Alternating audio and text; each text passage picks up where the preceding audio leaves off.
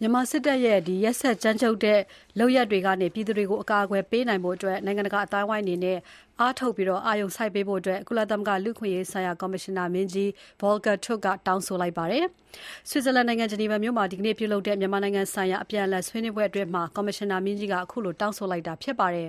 ။ "The human rights situation in Myanmar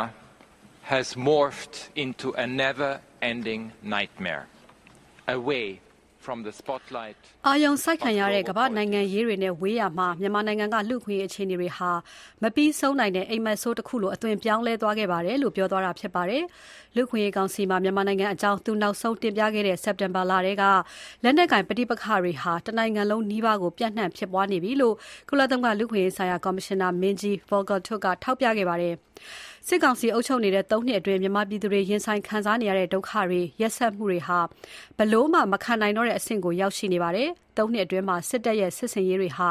ပြည်သူတွေကိုဖိနှိပ်နိုင်အောင်၊ထိတ်လန့်ကြောက်ရွံ့အောင်၊လူ့ဂုဏ်သိက္ခာကင်းမဲ့အောင်၊ဖျက်ဆီးနိုင်အောင်ရည်ရွယ်လုပ်ဆောင်နေတာဖြစ်တယ်လို့လည်းလူ့အခွင့်အရေးကောင်စီရဲ့၅၅ကြိမ်မြောက်အစည်းအဝေးမှာလူ့အခွင့်အရေးဆိုင်ရာကော်မရှင်နာမင်းကြီးကမြန်မာနိုင်ငံအခြေအနေကိုတင်ပြဆွေးနွေးသွားခဲ့ပါတယ်။စစ်တပ်ရဲ့လေကြောင်းတိုက်ခိုက်မှုတွေ၊လက်နက်ကြီးနဲ့ပစ်ခတ်မှုတွေမှာအရပ်သားပြည်သူတွေအထူးသဖြင့် မိန်းကလေးနဲ့ကလေးငယ်တွေသေဆုံးတာကိုလည်းသူကထောက်ပြဆွေးနွေးသွားပါတယ်။အထူးသဖြင့်ရှမ်း၊ရခိုင်နဲ့ကချင်ပြည်နယ်တွေမှာစစ်တပ်ဟာတိုင်းရင်းသားအချင်းချင်းတင်းမာမှုတွေဖြစ်အောင်လူမျိုးရေးအစွန်းရောက်ဝါဒီတွေကိုတပ်ဖက်ပါအောင်ဆွဲဆောင်အသုံးချတာ၊တိုင်းရင်းသားတွေကိုအတင်းစစ်ထဲဝင်ခိုင်းပြီးတိုက်ခိုက်တာတွေလုပ်နေတယ်လို့လည်းသူကပြောပါတယ်။ နိုင်ငံရေးမှုနဲ့ဖမ်းဆီးထားသူတွေကိုစနစ်တကျနှိပ်စက်တာ၊အသက်သေဆုံးတဲ့အထိအလွန်အကျူးလုပ်တာတွေကိုလည်းလူ့အခွင့်အရေးကောင်စီကမှတ်တမ်းတွေရရှိထားတယ်လို့ပြောပါတယ်။အရပ်သားတွေနေထိုင်တဲ့နေရာတွေနားမှာစစ်ဆင်ရေးလုပ်နေတာချက်ချင်းရပ်ပြီး